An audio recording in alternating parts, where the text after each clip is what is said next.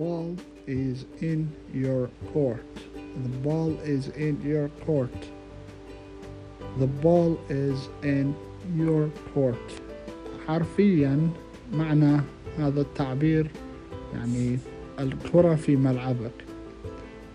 طبعا هاي المعنى الحرفي يعني the ball is in your court يعني الكرة في ملعبك. بس يعني حرفيا ما بها معنى بس المعنى الحقيقي لهذا التعبير هو يعني هسه اجى دورك مثل ما يقولون.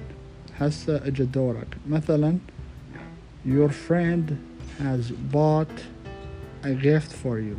يعني صديقك اشترى هدية لك.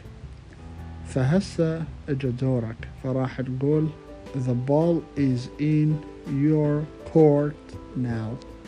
يعني هسه اجى دورك. يعني هسه دورك. يعني انت لازم تشتري الهدية لصديقك. The ball is in your court.